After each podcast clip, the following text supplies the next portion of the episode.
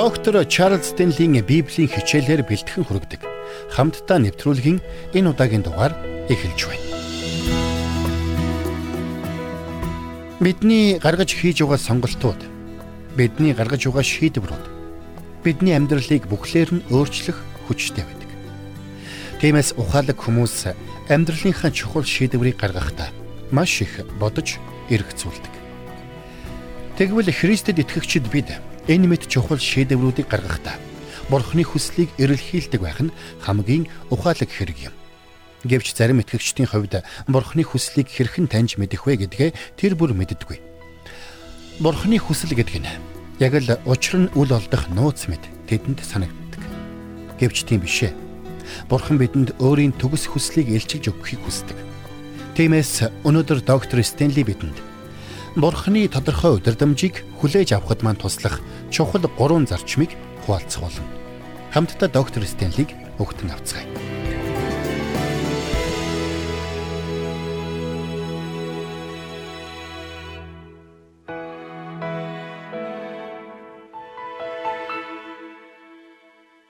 Хизээ нэгэн цаг танд ямар сонголт хийхээ мэдэхгүй үе тохиолдож байсан уу? Зүрх сэтгэлийнхэн гүнд та Бурхны хүслийг дагахыг хүсэж байгаач яг тухайн нөхцөл байдалд ямар шийдвэр гаргахаа мэдэхгүй байх үе тохиолдож байсан уу? Эсвэл зүрх сэтгэлийнхэн гүнд Бурхны бодол санааг мэдхийг хүсэж байгаач тухайн асуудал дээр Бурхны хүсэл яг юу болохыг мэдэхгүй байх тийм үе тулгарч байсан уу? Хэрвээ тийм бол би өнөөдөр тантай яг тэр тухай чинь ярихыг хүсэж байна. Өөрөөр хэлбэл таныг хаашаа явахаа мэдэхгүй байх үедээ зөв шийдвэр гаргаж чаддаг болоход чинь би туслахыг хүсэж байна. За ингээд Библиэс харъя. 1-р Иохны загтлын 5-р бүлгийн 14-өөс 15 дээр ингэж хэлсэн байна. Бид түүний хүслийн дагуу юу ч гуйсан. Тэр биднийг сонсдог нь. Түүний өмнө бидэнд байгаа итгэл зориг юм. Бид юу ч гуйсан. Тэр биднийг сонсно гэдгийг бид мэдвэл бид түүнээс гуйснаа авсан болохоо мөн мэднэ гэсэн байна. Христэд итгэгчид бид Бурхны бодол санааг мэдэж болно гэдгийг энэ хэсэгт Илч Иохан бидэнд маш тодорхой хэлсэн байна. Христэд итгэгчид бидний мэдэж байх ёстой хамгийн чухал ойлголтуудын нэг бол энэ юм. Бурхан бидэнд өөрийн хүслийг илчилж өгөхийг хүсдэг юм. Бурхан биднийг өөрийнхөө замаар замнаасаа алхаасаа гэж хүсдэг юм. Тэгвэл бид гаргаж буй шийдвэр дундаа Бурханы хүслийг хэрхэн олж мэдэх вэ? Бидний гаргах гэж байгаа шийдвэр Бурханы хүслийн дагуу мөн эсхийг бид яаж мэдэх вэ? Яг гэвэл амьдралынхаа алхам тутамд бид шийдвэр гаргах ёстой болж байдаг юм. Зарим нь жижиг шийдвэрүүд, зарим нь бол бидний амьдралд хүчтэй нөлөөлөх томоохон шийдвэрүүд байдаг. Тэгвэл тэдгээр томоохон шийдвэрүүдийг гаргахдаа бид Бурхны хүслийг хэрхэн таньж мэдэх вэ? Бидний гаргаж байгаа тэдгээр томоохон шийдвэрүүд Бурхны хүслийн дагуу эсхийг бид яаж мэдэх вэ? Тэгвэл хамтдаа тэдгээр томоохон шийдвэрүүдийн талаар бодож үзцгээе. Та бид зөв шийдвэрүүдийг гаргах гэж хичээх үедээ Бурханаас асууж залбирх нь хамгийн зөв юм. Бурхан минь ээ, энэ тал дээр зөв шийдвэр гаргахын тулд та надад өөрийн хүслийг илчилж өгөөч ээ гэж бид залбирх учиртай юм. Тэгвэл хүмүүс томоохон шийдвэрүүдийг гаргахдаа Бурханы хүслийг мэдхийн тулд ямар аргыг хэрэгэлдэг вэ гэдгийг бодож үзэх хэрэгтэй. Харамсалтай нь маш олон итгэгчид Бурханы хүслийг мэдэх гэж оролдохдоо буруу аргыг хэрэгэлдэг юм. Тэд ихэвчлэн Бурхан минь би ингэж шийдлээ Хэрвээ энэ шийдвэр минь таны хүсэл биш бол надад мэдэгдэж өгөөрэй. Хэрвээ таны хүсэл биш бол үүнийг зогсоож өгөөрэй. Хэрвээ та зогсоохгүй бол таны хүсэл мөн гэж би итгэя хэмээн залбирдаг.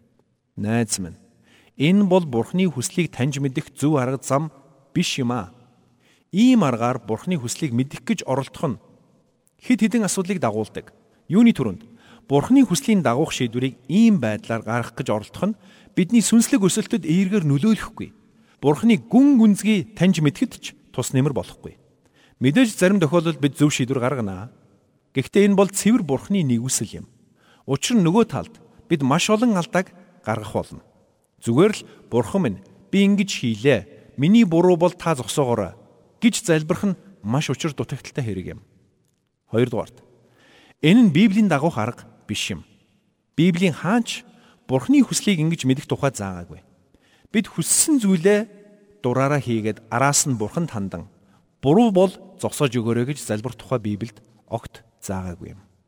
3 дугаарт энэ нь зоос шидэж байгаа мэт аз туршсан хэрэг юм.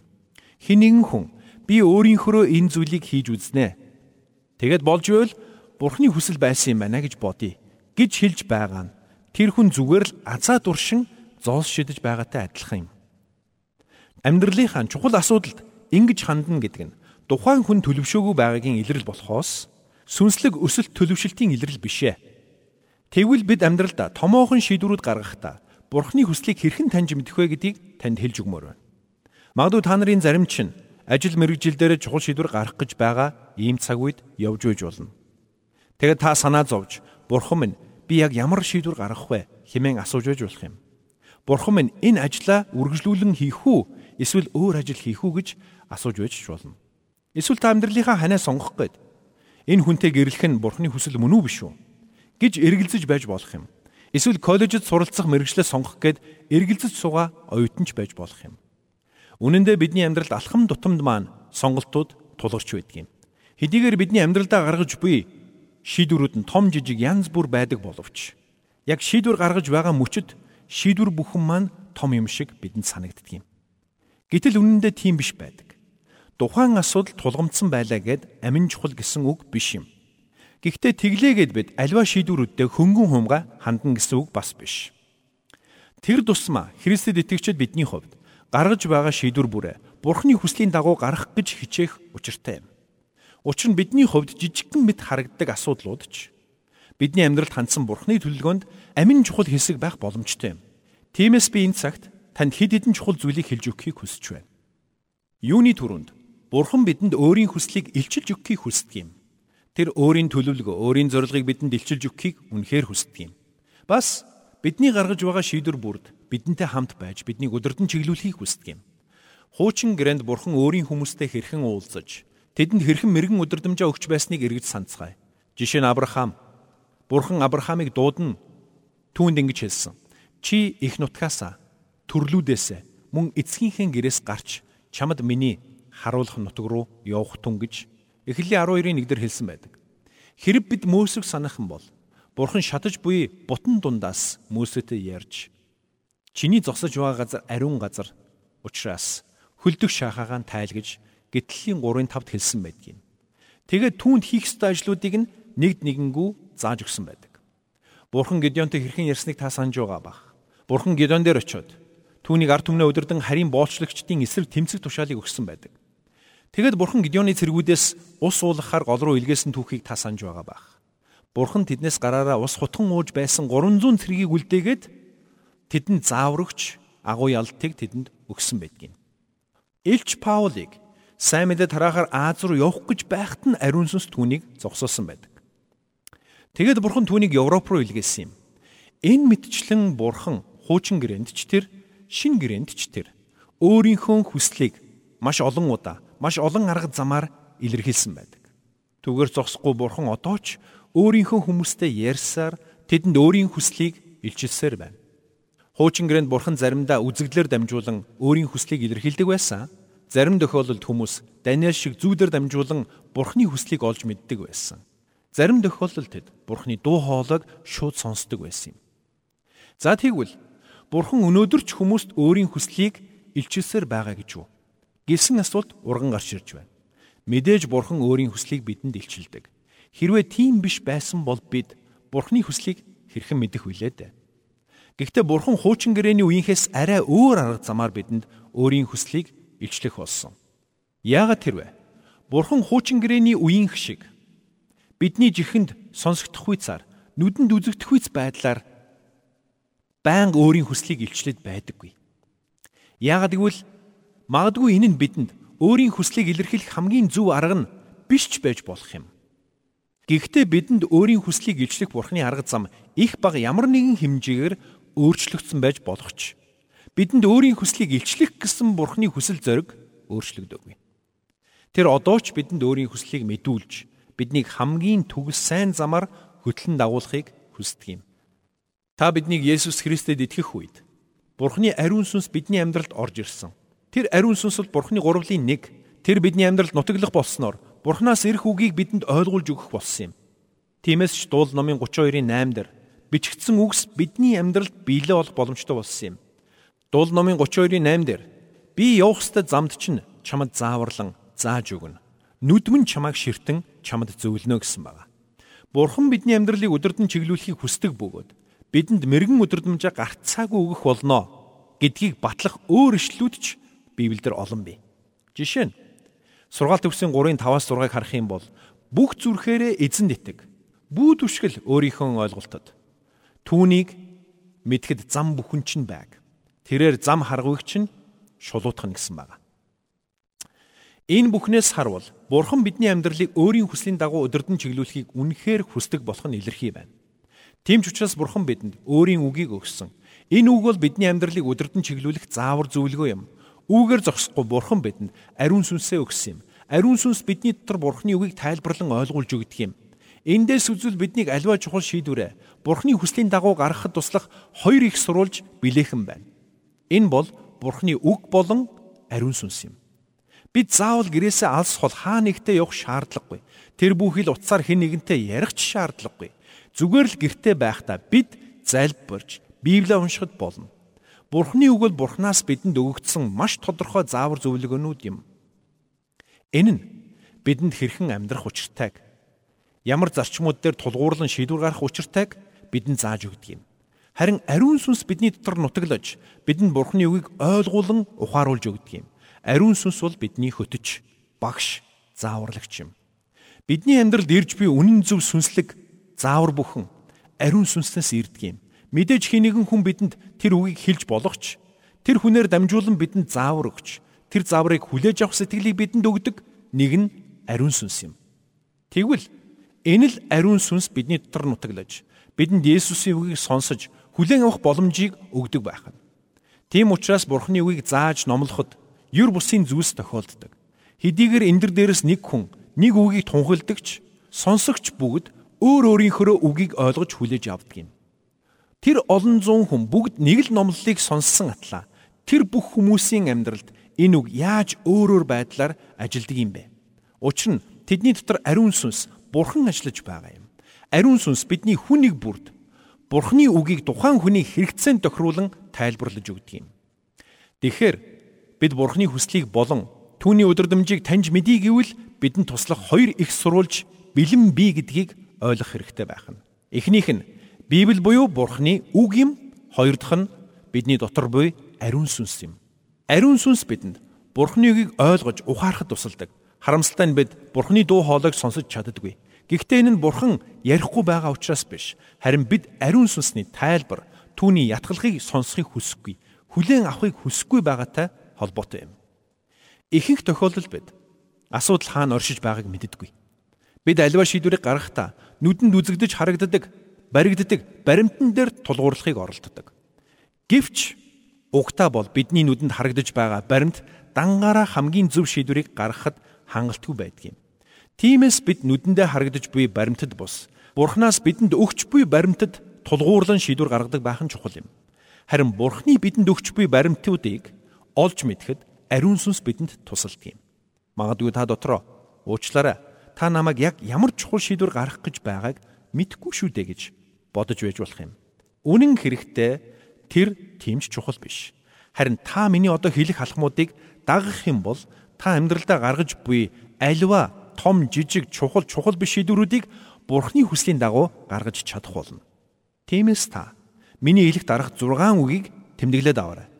Энэ 6 үг нь эзний хүслийн дагуух замыг олоход ч туслах болно.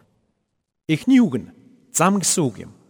Бид эзний бодол санааг мэдэж бидний амьдралд хандсан бурхны хүсэл чиглэлийг ойлгохын тулд бид эхлээд тэр өдөрдмжийг хүлээж авах замд саадуулах хоёр зүйлээс оюун санаагаа цэвэрлэх хэрэгтэй юм. Эхнийх нь гимшээгүй гимнүгэл байна уу гэдгийг бид анхаарах хэрэгтэй. Хэрвээ байгаа бол бид эхлээд бурхны өмнө гимнүглээ гимшиж амьдралаа тэр гим нүглээс цэвэршүүлэн Есүс Христийн загалмай дээр урсгасан цус тэр гим нүглийн төлөөсийг бүрэн төлсөн гэдгийг хүлээн зөвшөөрөх хэрэгтэй. Хоёрдугаард бид бодол санааныхаа зам дээрээс өөрийн хувийн хүслийг зайлуулан холдуулах хэрэгтэй. Өөрөөр хэлбэл та оюун санаагаа хоосолж ямар нэгэн хүсэлд автах бус харин аль болох төвийг сагсан байр суурьтай байхыг эрмэлзэх хэрэгтэй. Эзэн минь ээ би ийм зүйлийг хүсэж байна Гэхдээ би энэ хүслээ хойш тавиад яг энэ асуудал дээр төвийг сагсан байр суурьтай байхыг хүсэж байна. Энэ асуудал дээр би таны хүслийг таньж мэдхийг үнэхээр их хүсэж байна.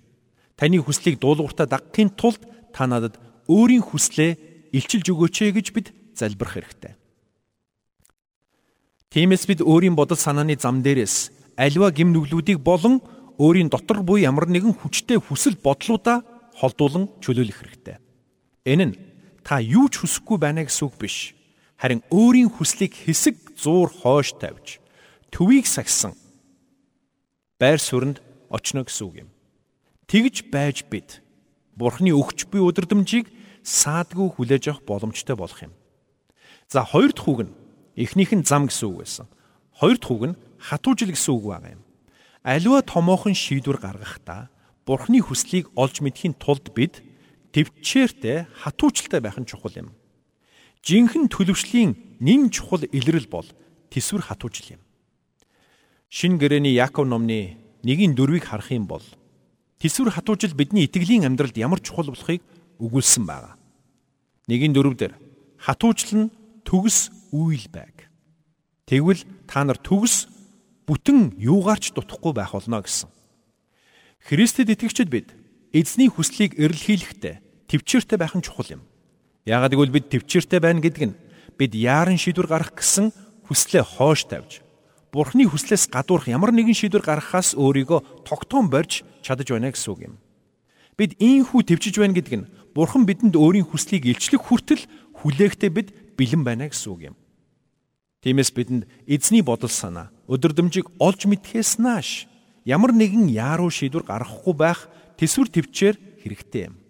Цаашилбал бид амьдралын чухал шийдвэр гаргахдаа анхаарах ёстой гурав дахь үг нь дарамт шахалт гэсэн үг юм. Биднийг зөв шийдвэр гаргахад саад болдог хамгийн том дайсан бол дарамт шахалт гэж би боддог. Тодруулбал бид хоёр төрлийн дарамт шахалтыг мэдэрдэг юм. Эхнийх нь гаднаас ирэх дарамт шахалт. Энэ бол нэг талаас бусад хүмүүсийн зүгээс бидэнд ирэх дарамт шахалт буюу бусад хүмүүсийн үзэл бодол юм. Цаашилбал цаг хугацааны дарамт шахалт ч мөн гадаад дарамт шахалтын нэг хэлбэр юм. Хин нэгэн хүн бидэнд чамд шийдвэр гаргахад 3 хоногийн л хугацаа байна. 10 хоногийн л хугацаа байна гэх мэтчлэн. Тэгээд бид энэ шахалтад орон яарч эхэлдэг. Заримдаа бид амьдралын амин чухал шийдвэрүүдээ энэ мэтчлэн маш богино хугацаанд хийх ёстой болдгийм. Энэ мэтэр биднийг богино хугацаанд шийдвэр гаргах ёстой болох үед Бурхан үүнийг сайн мэддэг юм. Тиймээс Бурхан бидэнд байгаа цаг хугацааны дагуу өөрийн хүслийг илчилж өгдөг юм. Гэхдээ юуны төрөнд бид энэ мэт гадаад дарамт шахалтаас аль болох зайлсхийх ёстой юм. Хоёрдугаарт бид дотоод дарамт шахалтад орж байдаг юм.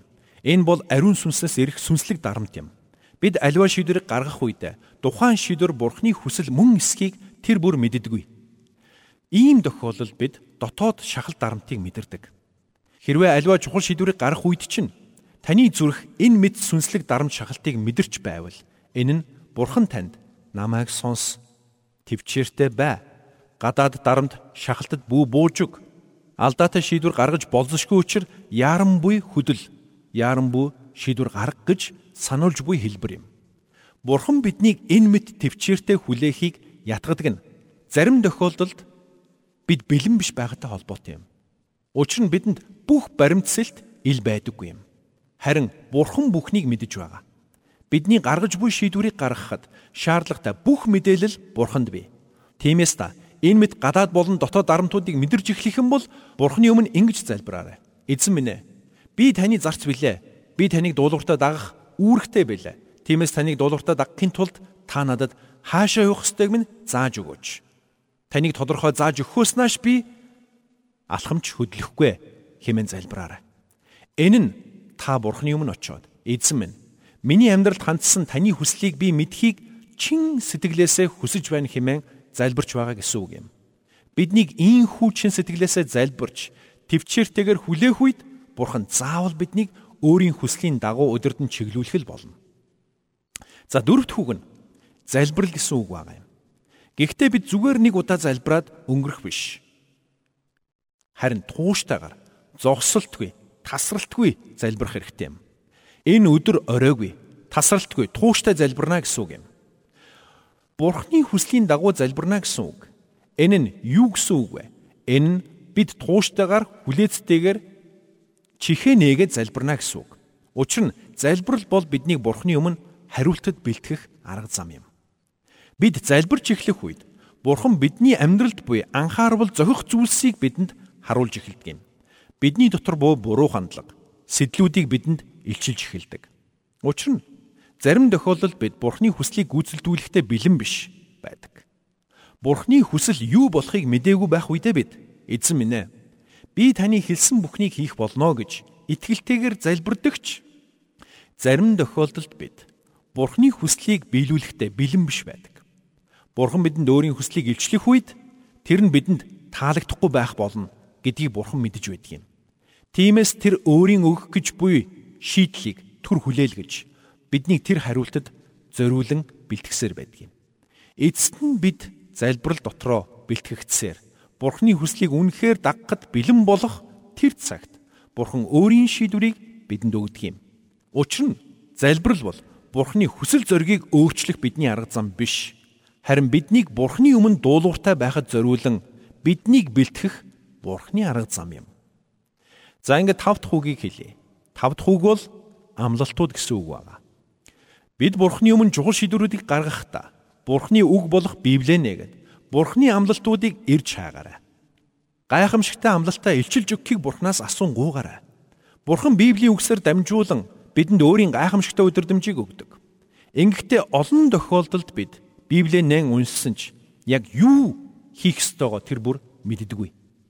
Тиймээс бид өөрсдийн нөхцөл байдалтай нийцсэн ишлэлүүдийг Библиэс ирж хааж эхэлдэг. Гэтэл ийм үедээ хүмүүсийн гаргадаг хамгийн том алдаа бол Библийн аль нэг хэсгийг таамгаараа гаргаад тэгэд гарч ирсэн ишлэлийг нь Бурхан надад ингэж хэлж байна хэмээн хүлээн авах гэж оролддог. Би ингэж болохгүй гэдгийг хүмүүст байнга сануулдаг юм.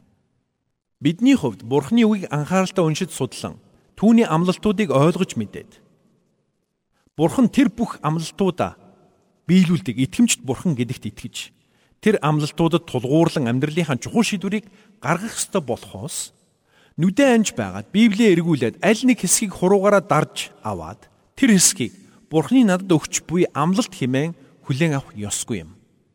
За ингээд сүүлийн үг буюу 6 дахь үг нь амар тайван гэсэн үг байна. Колосын 3:15-ыг нэгэд харах юм бол Бурхан гайхамшигтай амлалтыг бидэнд өгсөн байна. Би энэ амлалтыг өмнө та бүхэнд олон удаа сануулж байсан.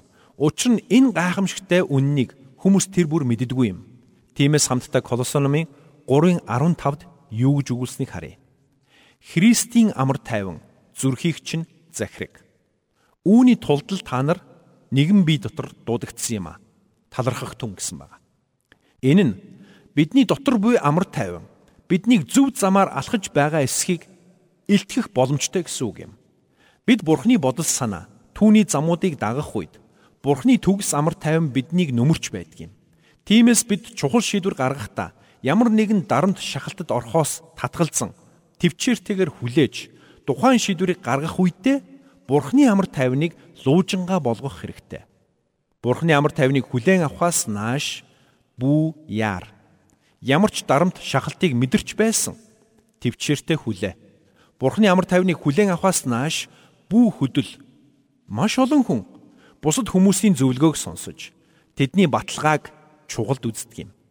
Гэтэл Бурханаас ирж буй амар тайвны баталгааг бид түүнээс ч илүүгээр чугалжлах хэрэгтэй юм. Тэгэхээр Бурханы хүслийн дагуух шийдвэрийг гаргахдаа бидний анхаарах ёстой 6 дахь чухал үг бол саяын дүрдсэн Бурханы амар тайван байх нь. Филиппо номын 4:7-ыг харах юм бол бүх оюун ухааныг давах Бурханы амар тайван гэж тодорхойлсон байна. Тэгвэл бидний хувьд Бурхны хүслийн дагуух зөв шийдвэрийг гаргах алтан дүрм юу юм бэ? Бурхны амар тайвныг зүрхэндээ хүлээн авахаас нааш бүү яар. Энд бид нэг чухал зүйлийг санах хэрэгтэй. Хэрвээ бид Бурхны хүслийн дагуух зөв шийдвэрийг гаргах гэж үнэхээр чин зүрхнээсээ хүсэж байгаа бол Бурхан биднийг буруу шийдвэр гаргахаас хамгаалах болно. Ийм итгэл зориг бидэнд бий. Тиймээс та миний хэлсэн дээрх 6 зүйлсийг анхаарах юм бол та Бурхны хүслийн дагуух шийдвэрийг гаргаж чадна гэдэгт би итгэлтэй байна. Үнэхээр бидний зүрх сэтгэл Бурхны өмнө зөв байвал Бурхан биднийг хамгаалж зөв шийдвэрлүү хөтлөх болно. Учир нь тэр бидний зүрхийг мэддэг юм. Тэр биднийг зөв зүйлсийг хийгээсээ зөв шийдвэрийг гаргаасаа гэж хүсдэг юм. Хэрвээ бид Бурханы хүслийн дагуух зөв шийдвэрийг гаргахыг чин сэтгэлээсээ хүссэн ч ямар нэгэн шалтгааны улмаас буруу шийдвэр гаргах юм бол Бурхан тэр шийдвэрийг халахалж биднийг Бурханы хүслийн дагуух шийдвэрлүү хөтлөх болно.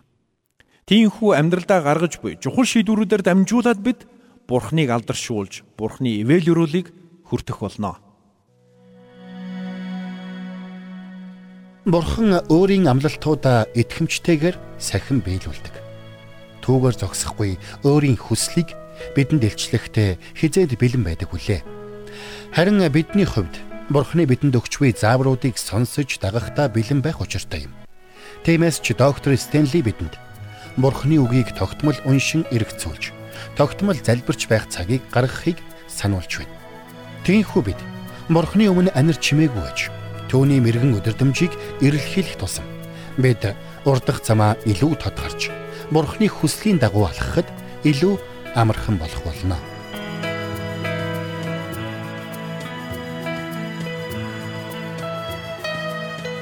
Бурханд тэмүүлсэн сэтгэл хүмүүсийг энэрх зөрхөөр амьдрахад туслах номлогч доктор Чарлз Стенлигийн хамттай нэвтрүүлэг сонсогч танд хүрлээ. Нэвтрүүлгийг дахин сонсохыг хүсвэл ихтгэл радиоцик.com-оор зочлоорой бидэнтэй холбогдохыг хүсвэл 8085 99 тэгтэг дугаард хандаарай.